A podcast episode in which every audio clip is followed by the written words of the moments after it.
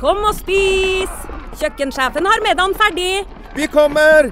Vi skal bare Åh, det er da så morsomt her på Stiklestad! Ja, men sjøl en god viking må ha både mat og hvile. Og dessuten kan dere nå være noen dager. Velkommen til Scandic Stiklestad. Moderne fasiliteter i historiske omgivelser. Det var her det skjedde. Det er her det skjer.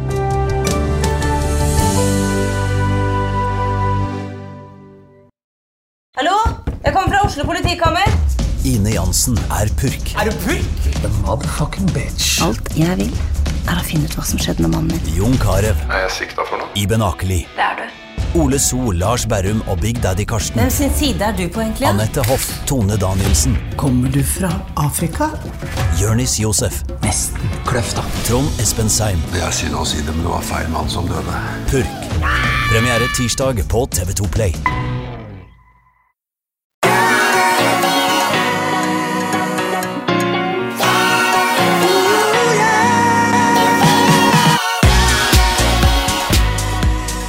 Ny uke, ny episode av podkasten Hjernesterk. Eh, Takk for sist, Ole Petter. Vi var jo på kickoff hos Pareto Securities. Det var ganske morsomt. Jeg syns det er litt artig med et eh, selskap som gjør det såpass bra, har gjort det såpass bra over så mange år, er eh, blant de beste innenfor sin eh, bransje. Eh, Det var over 400 mennesker til stede.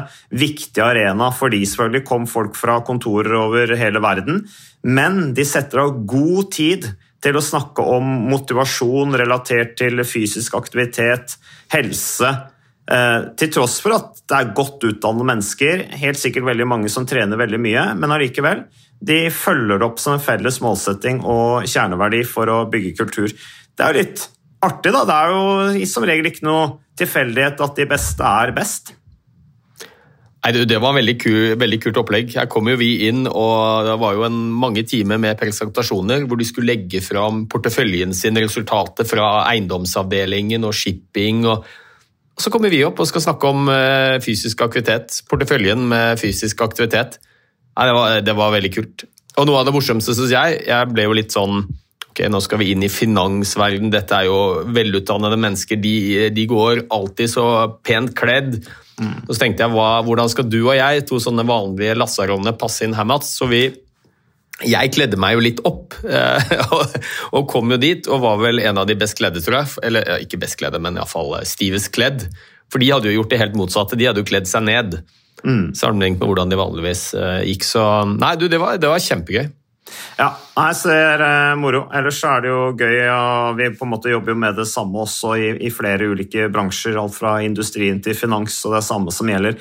Helse er viktig uansett. Og uansett hvilket nivå du er på, så bidrar mosjon til god helse.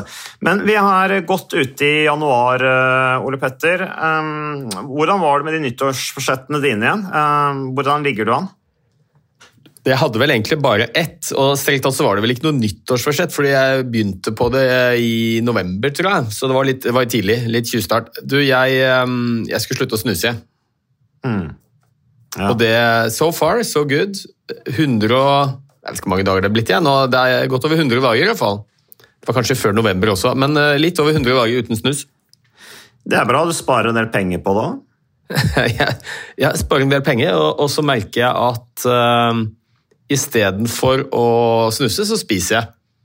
Ja. Så det er jo litt interessant, og jeg har hørt mange, mange av mine pasienter si at de, de kvier seg litt for å slutte å snuse, fordi de er redde for å gå opp i vekt. Eh, og vi vet jo at nikotin i snus og sigaretter demper appetitten litt, så på den måten så spiser man kanskje litt mindre. Men jeg tror vel så viktig er det at man, eh, man kanskje snuser eller røyker istedenfor å, å spise. Så jeg merker jo det at jeg går jo stadig rundt og småspiser.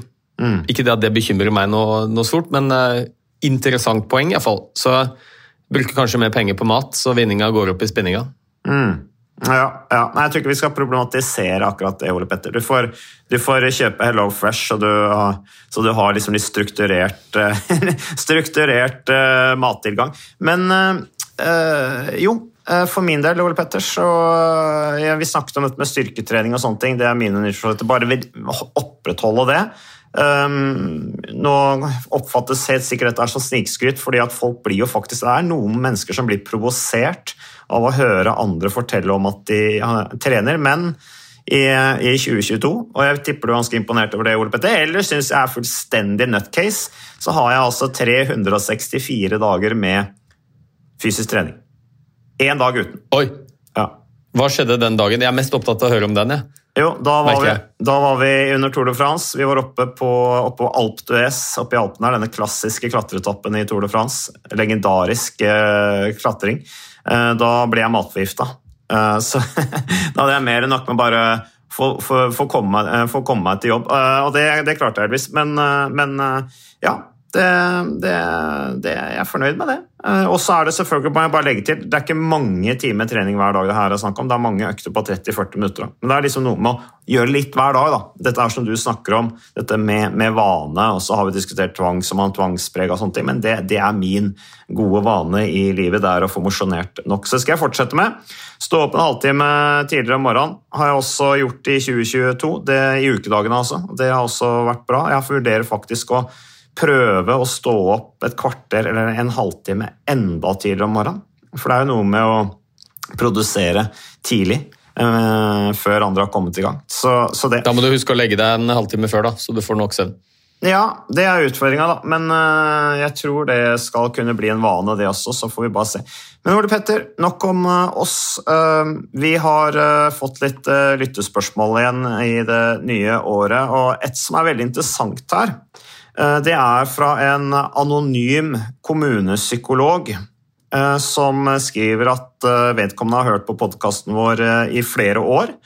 Eh, og det er derfor, hun eller han tar kontakt. Eh, Jobber hovedsakelig på skolen, eh, og vedkommende skriver at eh, han eller hun har registrert at det på barnetrinnet første til fjerde klasse, og vi har jo begge barn i, i, i barnetrinnet selv også, Ole Petter, så er det normalt, skriver han eller hun, at barna ser TV mens de spiser skolemat. Et raskt søkt på nett avdekker at dette er vanlig på mange skoler i Norge. Og så skriver da vedkommende Jeg reagerer på dette som fagperson i et forebyggende folkehelseperspektiv. Har jeg grunn til dette? Kunne dere ha laget en episode om temaet? Eller er det mulig å komme med noe råd? Og så skriver, reflekterer vedkommende videre her, da, skolepsykologen. Er det f.eks. For fordeler ved at barn får sitte på egen pult, spise i fred, uten å skulle prate samhandle med medelever og se på TV? Spørsmålstegn. Et motargument jeg har fått høre, er f.eks. at barna ved å se på skjerm unngår å se for mye på hverandre, og dermed ikke sammenligne hverandres matpakker, kommentere hva eller hvordan hverandre spiser. Og så skriver da vedkommende i parentes situasjoner jeg mener man heller må anses som en mulighet til å fremme potensiell atferd via lærer, skråstrek rollemodellering, med henhold til hvordan vi møter fors forskjeller og ulikheter med aksept for hverandre, istedenfor å tenke på at man må unngå de. Andre argumenter er at det er lettere for lærerne eh, det er vanskeligere eh, at, det gjør det lettere for barna fordi det er vanskelig å få en hel klasse til å sitte stille mens alle skal spise osv. Eh, Det var første del av det. Bare noen refleksjoner rundt det, Ole Petter. Så er jeg jo helt enig med skolepsykologen at er det virkelig sånn i samfunn nå at vi ikke tåler å se at andre har gode eksempler på en, eh, en matpakke?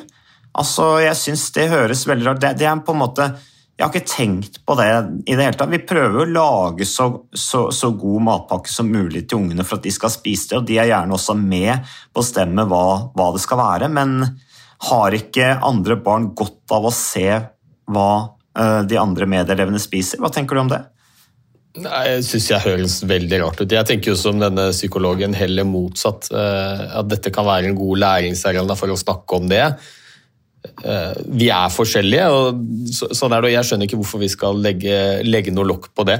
Og eh,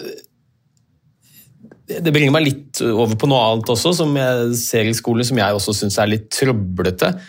Og, og, og det, det handler om vekt, hvor det er noe vi skal dysse ned, og det skal vi ikke snakke om. Eh, Vi er opptatt av det alle sammen, selvfølgelig, i et folkehelseperspektiv. eh, dette med vekt og helse. Og, jeg er helt enig i at vi skal ikke fokusere for mye eh, på vekt blant barn i skolen. De aller fleste varierer litt i vekt, og det er veldig stor forskjell på når man vokser og hvordan man vokser. og vi skal ikke problematisere økende vekt for mye. Men når det er sånn at man ikke skal få lov til å snakke om det, vi skal, barna skal ikke få lov å se vekten sin hos helsesøster osv., så, videre, så tenker jeg da går vi motsatt vei av det jeg mener er nyttig. da. Eh, Skal vi få bukt med noe og, og, og prøve å unngå unaturlig dårlige dårlig forhold til mat, til vekt i kropp, så må vi ikke dysse det ned. Vi må snakke om det. Det må være åp åpenhet rundt det, og jeg tenker akkurat det samme her med matpakker. Hvor- Hvorfor skal vi prøve å distrahere barna sånn at de ikke ser hva andre har på matpakken sin? Men jeg bare tenker på sånn eh, for å liksom se For, eh, for å se på en måte argumentene her, da. eh, og, og gi det en sjanse. Altså, la oss si at du er et barn som da kommer til skolen uten matpakke, eller du kommer til skolen med en veldig stusslig matpakke i forhold til medelever. Um, så ja, ok, det kan kanskje være trist da, for eleven, men, men eh, er det, altså skal man drukne barna i altså Er den avledningen med skjerm og TV det som gjør at de ikke får med seg hva andre spiser? Jeg er litt usikker på om det, om det stemmer. og jeg husker jo selv da jeg gikk Dette var på ungdomsskolen. Jeg husker jeg hadde en medelev som uh, Han hadde bare med brødskive med geitost. Uh, og det hadde han hatt alle årene på barneskolen, hadde alle årene på, på ungdomsskolen. Det var det han spiste, liksom, men det var ikke noe problem, det.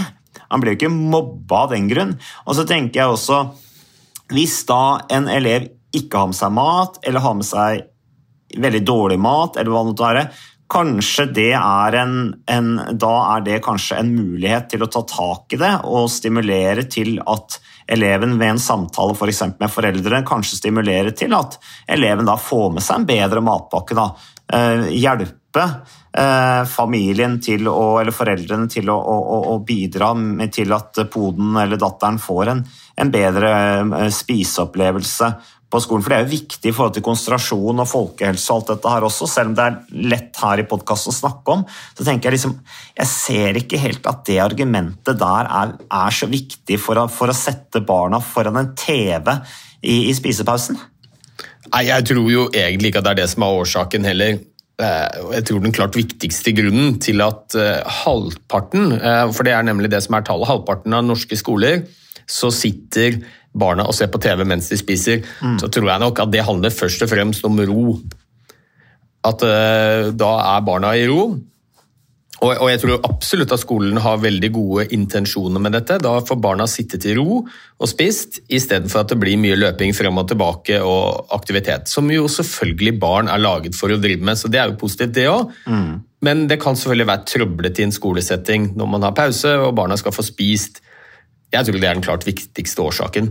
Eh, Samtidig så er det jo viktig dette med skolemat, og at skolen bør være en arena hvor det faktisk eh, er fokus på å ha sunne og gode matpakker. Um, Det, det, det tenker jeg er viktig, men eh, her kunne man jo løst dette ved en av disse fanesakene som mange har, eh, meg selv inkludert, og det er jo å, å ha et gratis skolemåltid til alle norske skolebarn. Det har vi råd til. Det ville vært superbra for folkehelsa. Det ville vært med på å utligne sosiale forskjeller i helse. Vi ser det er veldig stor forskjell i kunnskap og hva slags mat barna får, avhengig av foreldrenes sosiale klasse. Eh, og, og da er vi med på å ut, utviske det. Så, um, så jeg tenker jo at selv om det sikkert er praktisk og enklere å få gjennomført lunsjen ved at barna sitter og ser på TV, så tenker jo jeg at det virkelig er en uting. Eh, av flere årsaker. Eh, og Det ene handler om hva slags forhold du får til mat. Eh, Det er gjort noen studier på dette, og du ser at når barn sitter og ser på TV samtidig som de spiser, så blir man ikke like styrt av sin egen appetitt. Eh, Så blant annet så ser vi at det er noen barn som har en tendens til å overspise fordi de ikke legger så mye merke til altså De blir distrahert vekk fra følelsen av metthet fordi de sitter og ser på TV. Og så er det jo noen barn som blir distrahert vekk fra å spise, så de spiser ikke matpakken sin, for de blir så opptatt av å se på TV. Eh, så jeg tror det å få et naturlig forhold til mat, og det å la appetitten styre og sånn, så er det uheldig at man driver med noe helt annet når man spiser. Og så er jo da mat, altså måltidet, en utrolig viktig sosial arena, ikke minst for barn. Kompetanseutvikling, snakke med venner. Eh, altså Dette blir en sosial ramme rundt det. Så, så jeg tenker nå at eh, barna burde ikke se på TV mens de spiser. Og det gjelder jo både hjemme eh, og på skolen. Men jeg har jo barn, jeg òg. Jeg vet jo hvor enkelt det er å, å sette ungen foran TV-en med Pebba Gris eller Brannmann Sam, eh, og så spiser de. Mm. Så jeg skjønner at det blir gjort, men jeg tror det er uheldig. Ja, jeg støtter deg på det, Ole Petter. Ehm, jeg har jo en eh, sønn selv som er ti, og en datter som er tolv. Ehm, jeg registrerer jo også at det er barn fra barneskolen i matbutikken, den lokale matbutikken. Å kjøpe sjokolade i friminuttene, det syns jeg er litt synd. Det mener jeg er feil. Det, det mener jeg er en, en, et synd, rett og slett, at, at, det skjer. Det burde ikke skje. Det er ikke lørdag hver dag, og det er usunt, og de bruker penger. og i det hele tatt, Da mener jeg matpakka er et bedre alternativ. Enda bedre alternativ, som du sier, det er jo denne her skolematen som har vært snakk om i, i mange år. Men du var inne på dette her med at man ikke kjenner sin egen sultfølelse når man, når man sitter foran en skjerm eller ser på TV. Um, og det er vel litt sånn som det samme? Når, når barna, vi registrerer at barna de, de, de, kjenner ikke at de må på do omtrent heller. Når de sitter og er veldig aktive foran skjerm. Uh, så, så, det er vel litt det samme. Altså, du, du på en måte glemmer kroppens signaler når du, når du, blir stimulert veldig foran skjerm. Er det ikke litt sånn, Ole Petter? Jo da, det er sånn. Og jeg må jo også jeg kan jo legge til at Helsedirektoratet har jo noen helt klare anbefalinger for hvordan måltidene kan organiseres i skolen. og De er jo veldig tydelige på at barna ikke bør bør sitte og se på TV. Nettopp fordi at måltid er en veldig viktig treningsarena for samtaler og bygge sosiale relasjoner. Altså, det er utrolig viktig for barn. Mm. Og da, det er det ene. Og, og det andre er dette med at det kan forstyrre signalene. At noen ender opp med å spise kanskje mer enn det de burde, andre glemmer å spise matpakken sin. Og så syns jeg det er litt morsomt, for det var et intervju for en tid siden da dette ble debattert, dette er vel et par år siden, i Aftenposten.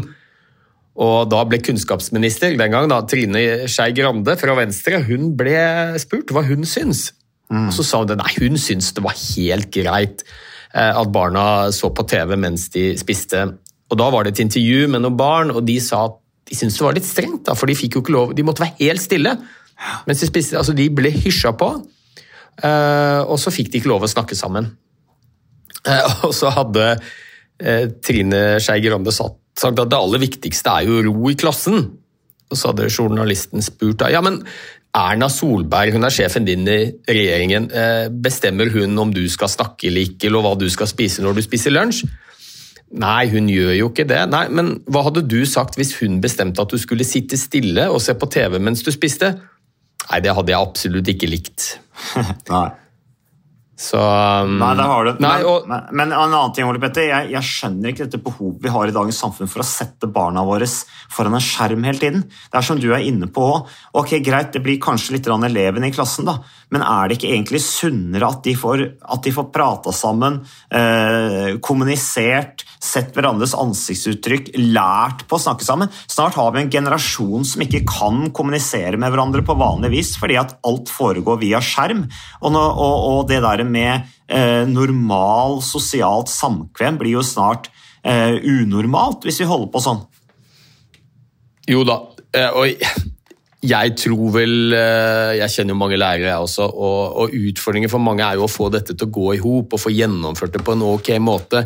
Så eh, jeg er jo helt sikker på at intensjonene fra skolen her er veldig gode, og dette blir en praktisk løsning som kanskje ikke er helt heldig, men som gjør at man får gjennomført lunsjen på en ok måte. Uh, og Vi kan jo sikkert se for oss en første eller annen klasse med 30 elever ikke sant, som løper rundt og, og, og, leker når de egentlig skal sitte og spise. Så, men, uh, men, jeg tror ikke det er bra for elevene. altså. Nei. Vi kan gå videre i refleksjonen til skolepsykologen her, eh, som skriver da eh, Men er det riktig at barnas pausetid brukes til å tilføre mer undervisning, skriver vedkommende. og Det er litt interessant. F.eks. Supernytt på skjerm når barna skal spise. Og Med det så mener vi da vedkommende at da er det tid for liksom å slappe av, koble av. At på en måte du skal skru ned konsentrasjonen. da. Uh, og så skriver han eller hun videre da, hvordan påvirker dette hjernens utvikling? Alt fra signaler til sulten, mett, liker, liker ikke, konsentrasjon, oppmerksomhet og ikke minst stress. Her, og så skriver vedkommende i parentes her er det mye vi må lære. At vi, eh, at vi har ikke tid til å bare spise, vi må se TV samtidig. Altså, liksom, det holder ikke å bare sitte og spise og slappe av, du må på en måte få noe stimulans samtidig, da, mener vedkommende. Hva tenker du om det? Nå har du svart litt på dette her med, med signalet sulten, mett osv., men dette her at det kan være et signal om at vi skal konsentrere oss om noe. Eh, er det, er det uheldig også? Hva tenker du om den refleksjonen? Nei, Jeg tenker nå at det er mer enn nok læring i skolen. Eh, spesielt for de yngste barna. Ukas annonsør det er uh, HelloFresh. Og uh, hvis du nå går inn på hellofresh.no og bruker koden 'fresh hjerne', så kan du få opptil 1779 kroner rabatt på da de fem første matkassene dine hvis du ikke har prøvd HelloFresh enda. Og Ole Petter, vi er jo glad i HelloFresh i podkasten Hjernesterk, selvfølgelig fordi at de er en annonsør. De er med og bidrar til å spre det glade ordet om fysisk aktivitet og god helse, men i tillegg så har jo vi også nå lang erfaring med HelloFresh Fresh selv. Så vi må jo si at det har vært gode erfaringer til nå. Ja, absolutt. Visste du Mats, at HelloFresh det er faktisk verdens ledende matkasseleverandør? og Tilbudene til HelloFresh gjør det enkelt å lage gode og varierte retter som skaper matglede. Og matglede vet du, det er like viktig som hva du putter i munnen. Det å spise mat med folk du trives med. Så gjennom 25 nye og inspirerende retter hver uke så bidrar HelloFresh til dette. Du kan bestille ekstra personer om du får gjester, eller hoppe over uke hvis du f.eks. skal bort. Mm. Og Det er ingen bindingstid, og du velger leveringstidspunkt og dag selv, så leverer Hello Fresh matkassen din akkurat når det passer deg. Ikke dårlig, Mats. Nei, det er veldig bra. Så, eh, og dette er med enklere hverdag, det kan jeg nå skrive under på. For nå, forrige erfaring vi hadde forrige uke, Ole Petter, det syns jeg var Det var jo et gjennombrudd eh, for familien Kaggestad. For da lagde rett og slett barna de lagde middag og serverte middagen, så den var ferdig laget og servert da når eh, min kone Marita og meg kom hjem fra jobb. Og jeg mener Det var jo bare helt utrolig. Eh, det var helt fantastisk. Det ble en nydelig middag. Riktignok de, de, de, de roter og søler litt, det gjør de. Så, men, men, maten ble veldig god. De var veldig stolte over å kunne å ha både laget og servert maten, så det var helt fantastisk. Så vi har jo da i siste så har vi eh, spist eh, bl.a. sitron- og dillstekt hyse med ovnsbakte grønnsaker og aioli. Eh, vi har spist middelhavsinspirert kylling. Taco, så finnes det mange ulike typer taco. F.eks. vietnamesisk taco, som vi har spist. Thailandsk vegetargryte. Veldig riktig og sunt uh, i dagens uh, samfunn med, med, fokus på bærekraft. Hvitløk og chilistekte reker i spagetti, det var definitivt en vinner. Så det er så flott. Du får rimelig mat ved at du kun betaler for det du trenger, så det blir ordentlig feststemning med Hello Fresh. Det gjør det, og nå er det bare for deg å gå inn på hellofresh.no og bruk koden 'fresh hjerne'. Da får du opptil 1779 kroner rabatt på de første fem matkassene dine hvis du ikke allerede har prøvd HelloFresh. Du kan også bruke rabattkoden hvis du har stoppet abonnementet ditt for tolv måneder siden eller mer. Er det noe å lure på? Håper maten smaker godt. Bon appétit! Så det at man også skal benytte en sånn fritid, hvis vi kan kalle det lunsjen, da, til å koble det mot læring også, at man skal spise samtidig som man lærer noe på Supernytt, så tenker jeg det er helt unødvendig. Jeg tenker tvert imot, jeg. At det bør være mer lek øh, og bevegelse i skolen. og Det bør ikke være mer læring. Så vi trenger ikke å bruke lunsjen til barna til at de skal lære noe. Jeg tror jo det viktigste grunnen som sagt, til at man velger TV, er for å få ro i, i, i klassen. og Det er ikke noe vanskelig å skjønne det, men, men, barna er laget for å bevege seg. De er laget for å snakke sammen, bygge sosiale relasjoner. Se på måltidet som en sosial arena. Så, så de behøver ikke å sitte og, og, konsentrere seg om noe annet når de skal spise. Kan, ha fokus på det sosiale og maten. Kan det være at lunsjpause er for lang? Altså, Nå vet jeg ikke hvor lang lunsjpause de har. Uh, Liam, sønnen min, kom hjem i går. Han hadde ikke spist maten sin, og da ble jeg litt sånn streng. Og sa hva er det dere holder på med, sa jeg. Uh, og det, Da sa han at ja, vi hadde bare 16 minutter til å spise lunsjen. Og så sa jeg men 16 minutter, gutten min, det er mer enn nok til å få spist opp den lunsjen du hadde med deg i dag. Hva er det dere holder på med som ikke sitter ned og spiser maten deres og kommer tilbake med masse mat vi bare må kaste? Jeg prøver jo å bevisstgjøre han litt at vi ikke, vi lever ikke i et samfunn hvor vi bare skal kunne kaste maten. Uh, og eh, så har jeg også sagt til min kone Marita at kanskje vi skal Hun hadde jo laget en veldig god lunsj, apropos det der med, med godt eksempel osv., med pasta, og salat og greier. Og så sa jeg ok, fremover må vi lage enklere mat. Det bør være med tradisjonell matpakke med brødskiver som er kjapt å få i seg, og som de også eventuelt kan spise eh, på, på, vei i, i, hånda. For det er viktig at, eh, at barna får i seg næring. Eh, men, men så sa jeg også til Liam, sønnen min, at når du kommer i militæret, gutten min, så får du enda mindre tid til å spise. Så det der må du bare lære deg. Når vi spiser, så spiser vi, har jeg sagt til han. Vet ja, hva du tenker men, om det? Har de, ser de på TV mens de spiser? Ja, der er det også ja. lagt opp, men jeg vet ikke om de gjør det hele tiden, men jeg vet at de har det innimellom. Eh, så har de TV når de også sitter og spiser. Da. Eh, og Hvis de allikevel ikke klarer å få i seg maten, så er jo det i så fall et dårlig eksempel. Altså Helsedirektoratet har noen helt konkrete anbefalinger, og det er 20 minutter eh, spisepause for barn i skolen. Og, og, så ser vi jo da at på de skolene hvor man ser på TV, så, så er det jo en del da som spiser saktere og spiser mindre og som kanskje ikke rekker å spise opp eh, matpakken sin på 20 minutter fordi de blir så opptatt av eh, TV-en. Så dette er jo også et argument da for at man ikke ser på TV. At man faktisk får spist opp eh, mat, matpakka si. Så, og, og, det kan jeg også si at Helsedirektoratet har da noen helt klare og tydelige anbefalinger for hvordan man kan rigge skolemåltidet. Så lærere som lurer på hvordan man kan få til dette på en ok måte, legge forholdene til rette for at barna skal få en best mulig matopplevelse og få spist matpakka si, eh, så ligger det helt konkrete råd inne på Helsedirektoratets sider eh, til hvordan man eh, ja, Fokus på hvordan man sitter og hva som er tilgjengelig og hvor lenge man skal ha matpause osv. Innsenderen her sender inn eksempler eksempler på forskning som f.eks. mindful eating. Da vil jeg tro at det mindful eating, da tipper jeg uten at jeg vet så veldig mye om det, at det har noe med at du bare fokuserer på det du spiser og smakssanter og sånne ting, og at det gir en mental avkobling. Men jeg tenkte litt på gamle dager, Ole Petter. Altså, eh, jeg er født i 77. Eh, så jeg har begynt å bli relativt eh, gammel, og i det hele tatt du er eldre enn meg også. Men tenk på, i gamle dager så snakket man om matro. Altså ro til maten.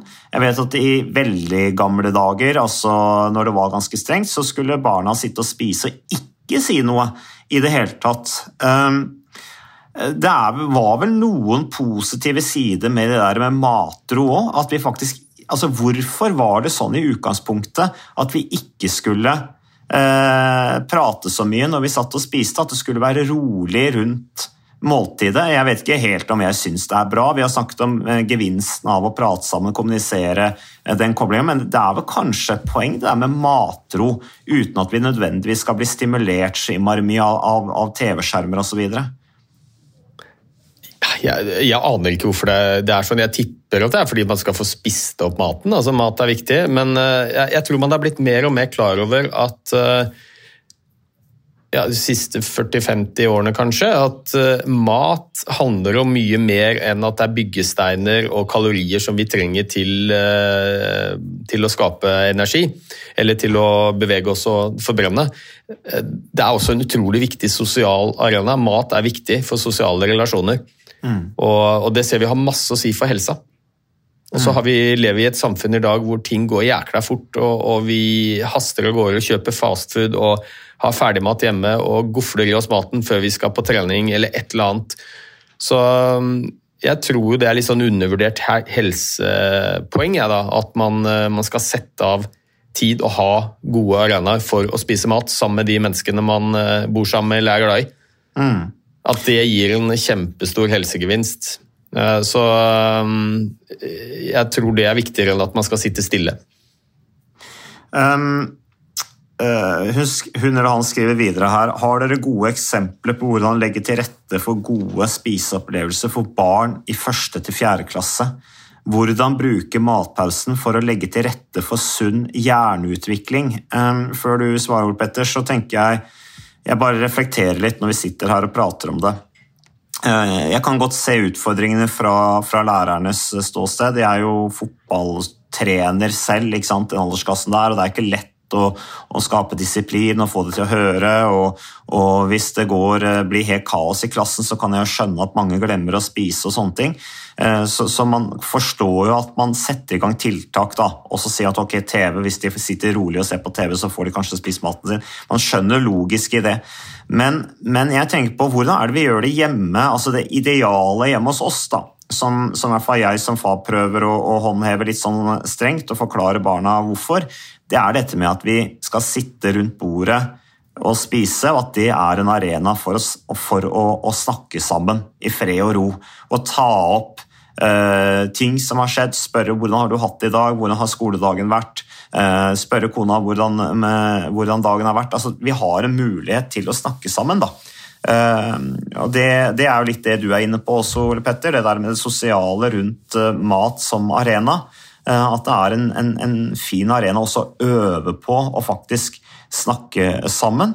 Men samtidig som man nyter maten og, og, og spiser opp, og kanskje også sier til barna nå må du ikke glemme å spise opp, eller nå må du ta en pratepause sånn at du ikke maten blir kald.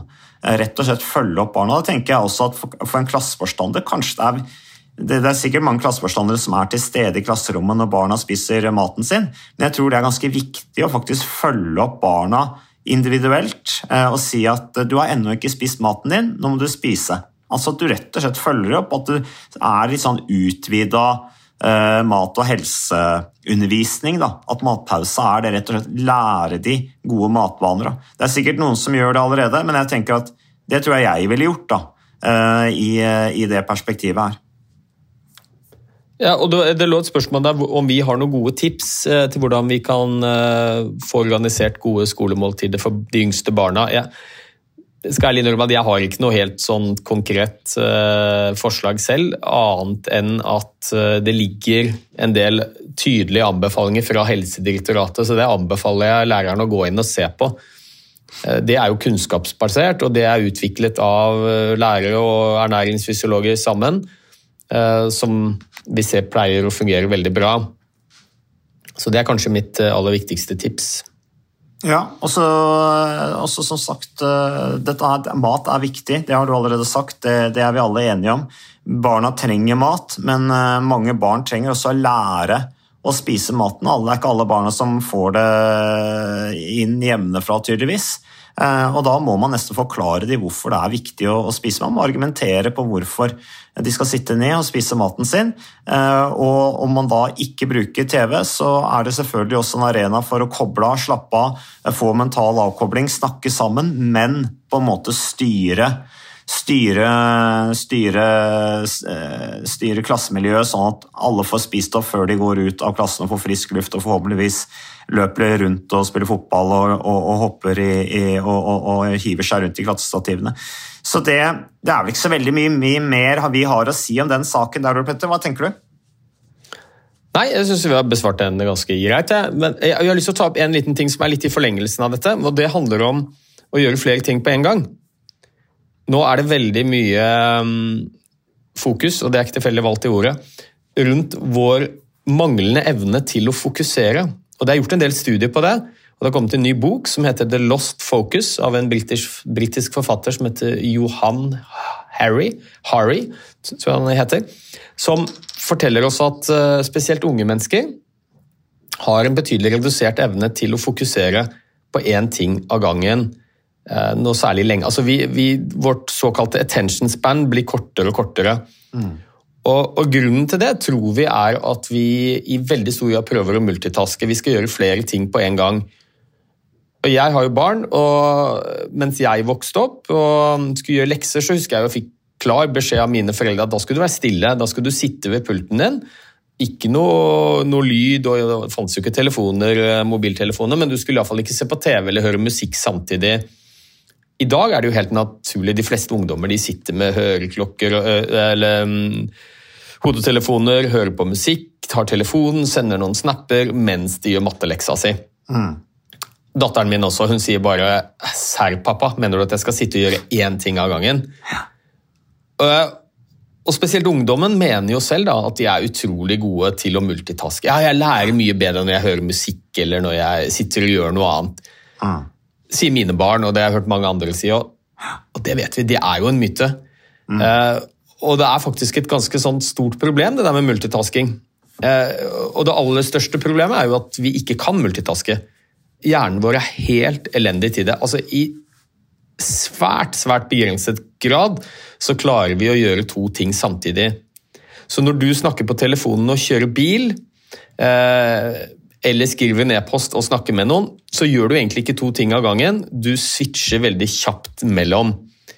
Altså Det er ikke multitasking, men switch-tasking. Det har vi nevnt så vidt tidligere. Og Det som er det største problemet med det, er at vi får et ganske så betydelig Kall det funksjonstap. da, Eh, hjernekapasitetsreduksjon, som riktignok er midlertidig når vi blir forstyrret. Mm. La oss si at du sitter og jobber med en oppgave på datamaskinen din, og så ringer telefonen din, eller du får en tekstmelding. og Så går du inn og ser på den. Så bruker du i snitt 25 minutter før du er tilbake igjen til det samme konsentrasjonsnivået som før du fikk meldingen. Hmm. Altså Vi bruker 25 minutter å hente oss inn igjen etter en distraksjon. Og for hver gang vi blir distrahert, om det er en uh, melding på telefonen eller noen ringer deg, eller hva det måtte være for noe, så får vi et midlertidig IQ-tap, dette er målt, da, på ca. 10 mm. poeng. Det er ganske ja. betydelig. Uh, og på arbeidsplassen så er det gjort noen studier på dette i USA. Så ser man at forstyrrelser, type Facebook, smarttelefonen du har med deg på jobb, forårsaker et produksjonstap på 650 milliarder dollar hvert eneste år. Og faktisk så er den reduksjonen din i hjernekapasitet, eh, det IQ-tapet på 10 poeng, det er dobbelt så stort som hvis du hadde sittet og røyket marihuana. Mm. Røyker du marihuana, så ser vi at i snitt så får du et eh, IQ-tap forbigående der og riktignok på, på fem poeng. Mm. Mm. I tillegg til at det er uheldig for helsa. Blant annet så ser vi ulykker. Det er mange tusen Eh, bilulykker i USA alene hvert eneste år fordi folk skriver på mobiltelefonen eller ser på mobiltelefonen mens de kjører bil. Så, um, Men jeg vil tro at det, er, at det øker stressnivået òg. Altså, I motsetning til kanskje marihuanarøykere som sitter og chiller'n ved en elv og røyker marihuana, så er det sikkert ikke all verdens bra for hjernehelsa, det heller. Men, men det, alle de der eh, distraksjonene det, det, fører til viss sånn stress òg så er det hvis du sitter i en jobbsituasjon du skal få ting, og du ikke klarer å håndtere en mobiltelefon som piper og plinger med diverse meldinger fra ulike apper. Ja da, og det, eh, der har du gjort noen ganske kule forsøk, syns jeg, da, som illustrerer litt hvor avhengig vi er blitt av eh, disse smarttelefonene. Og det avhengigheten av å hele tiden være påkoblet. De gjorde et forsøk med en del studenter som fikk en oppgave. De skulle løse noen ganske enkle konsentrasjonsoppgaver. Og så hadde de telefonen sin uh, liggende ved siden av seg. De fikk ikke vite noe om at telefonen var en del av eksperimentet, de skulle bare sitte og gjøre noen oppgaver. Men de hadde fått beskjed om at de måtte jobbe med oppgaven, og kunne ikke bruke telefonen mens de gjorde oppgaven. Og så tok forsøkspersonene og ringte eller unnskyld, disse forskerne ringte forsøkspersonene mens de holdt på med opp oppgaven. Og så målte man da puls og respirasjon og svetteproduksjon i håndflatene og sånt. Og Det man så, da var jo et vanvittig stressreaksjon når disse forsøkspersonene oppdaget at telefonen ringte, men de kunne ikke få lov til å svare. Hm. Altså rett og slett symptomer som lignet på angst. Ja. Altså Så avhengig vi er blitt av telefonen av bare det å, å la telefonen ringe og ikke få tilgang til den og klare å svare, gjør at vi blir ordentlig stressa. Og så så man også at uh, de kognitive funksjonene, evnen til å huske og planlegge og løse oppgaver, ble veldig redusert. Så de løste oppgavene dårligere også. De ble så distrahert og stressa av at telefonen ringte at de ikke fikk gjort det de skulle. Nei, Så kunsten her er å slå av telefonen når du skal konsentrere deg. Ferdig med det, og ikke ha dårlig samvittighet for det. Snarere tvert imot, ha dårlig samvittighet hvis du ikke gjør det. Eh, og gå Et eksempel da, et lite eksempel fra hverdagen min. Ole Petter. Jeg satt og spilte sjakk med sønnen min Liam i går. Uh, og, og, så ringte søsteren, og så lot jeg være å ta den. Jeg hadde skrudd av lyden, og så ringte hun igjen. Så tenkte jeg ok, er det viktig? Tok jeg telefonen, snakket med henne, det var ikke noe spesielt viktig. Og så la jeg på, og hva skjedde da når jeg la på? Jeg gjorde et trekk, og det trekket var så dårlig at jeg da mista en viktig spiller. Ikke sant? For min sønn som er ti år. Så ja, de blir dummere av alt dette her. Ja, altså Motto er 'gjør én ting av gangen'. Bli ferdig med et eller annet før du gjør noe annet. Ehm, det er det ene. Og det andre er jo at det er litt urovekkende hva slags respons vi får når vi ikke er kobla på. For sa, altså, Vi er jo nå kobla på hele tiden, eh, og det gjør jo at hjernen vår kontinuerlig blir stimulert. Du setter deg ikke ned på T-banen og bare sitter og ser ut og tenker og filosoferer lenger. Det er framme med telefonen, og så går du inn på Facebook og Insta og Snapchat. Så hjernen vår er hele tiden i aktiveringsmodus. Mm. Uh, og det gjør oss mentalt slitne, og, og, i tillegg så er det et tegn på at det, kan, det, det øker stressreaksjonen vår.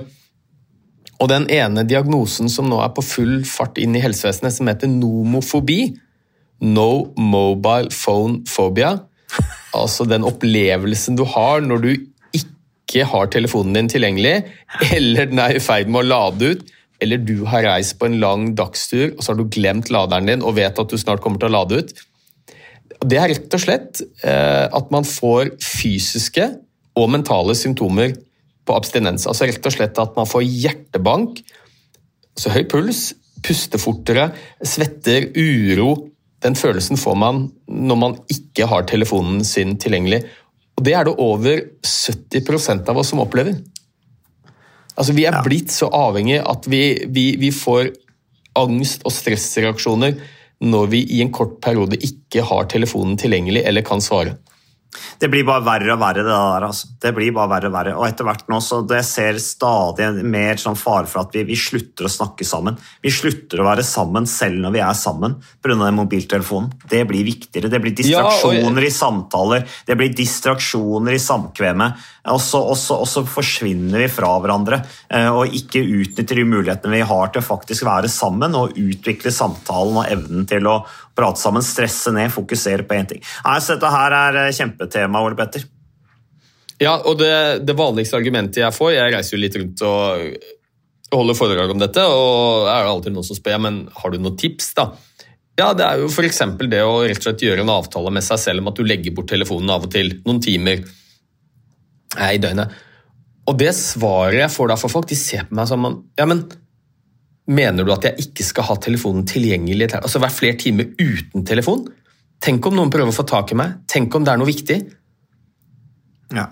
Altså, De fleste er blitt sånn, ja, men, altså, de klarer ikke å se for seg engang å være uten telefon. Noen timer. Nei. Når var sist gang du fikk en telefon som var så prekær at det sto om liv og død? Altså, Kanskje én gang i mitt liv har jeg fått det jeg tenkte at å, nå var det virkelig bra at jeg hadde eh, mobiltelefonen på. Stort ja, sett så er det noe ting som kan vente. Ja, ja i tillegg, så det, det, Selv da. Så dette går jo bra. Men vi, vi, vi, er blitt altså så engstelige for å ikke være påkobla at det går utover helsa vår. Det var veldig bra. Da fikk vi snakket om, eh, da endte da en diskusjon om, eller en prat om skolemat og skole, skolebarnas spisevaner opp i dette her med angst for å ikke få med seg alt som skjer på mobiltelefonen. Veldig bra, Ole Petter. Takk for eh, innsatsen. Takk til alle lytterne våre. Takk til Moderne Media. Takk til samarbeidspartnere. Vi er tilbake neste uke med mer av eh, podkasten i Hjernesterk.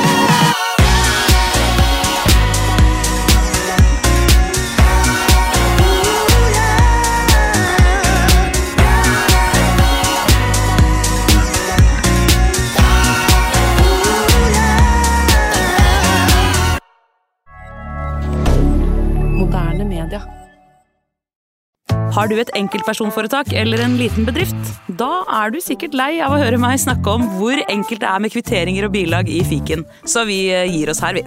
Fordi vi liker enkelt. Fiken superenkelt regnskap.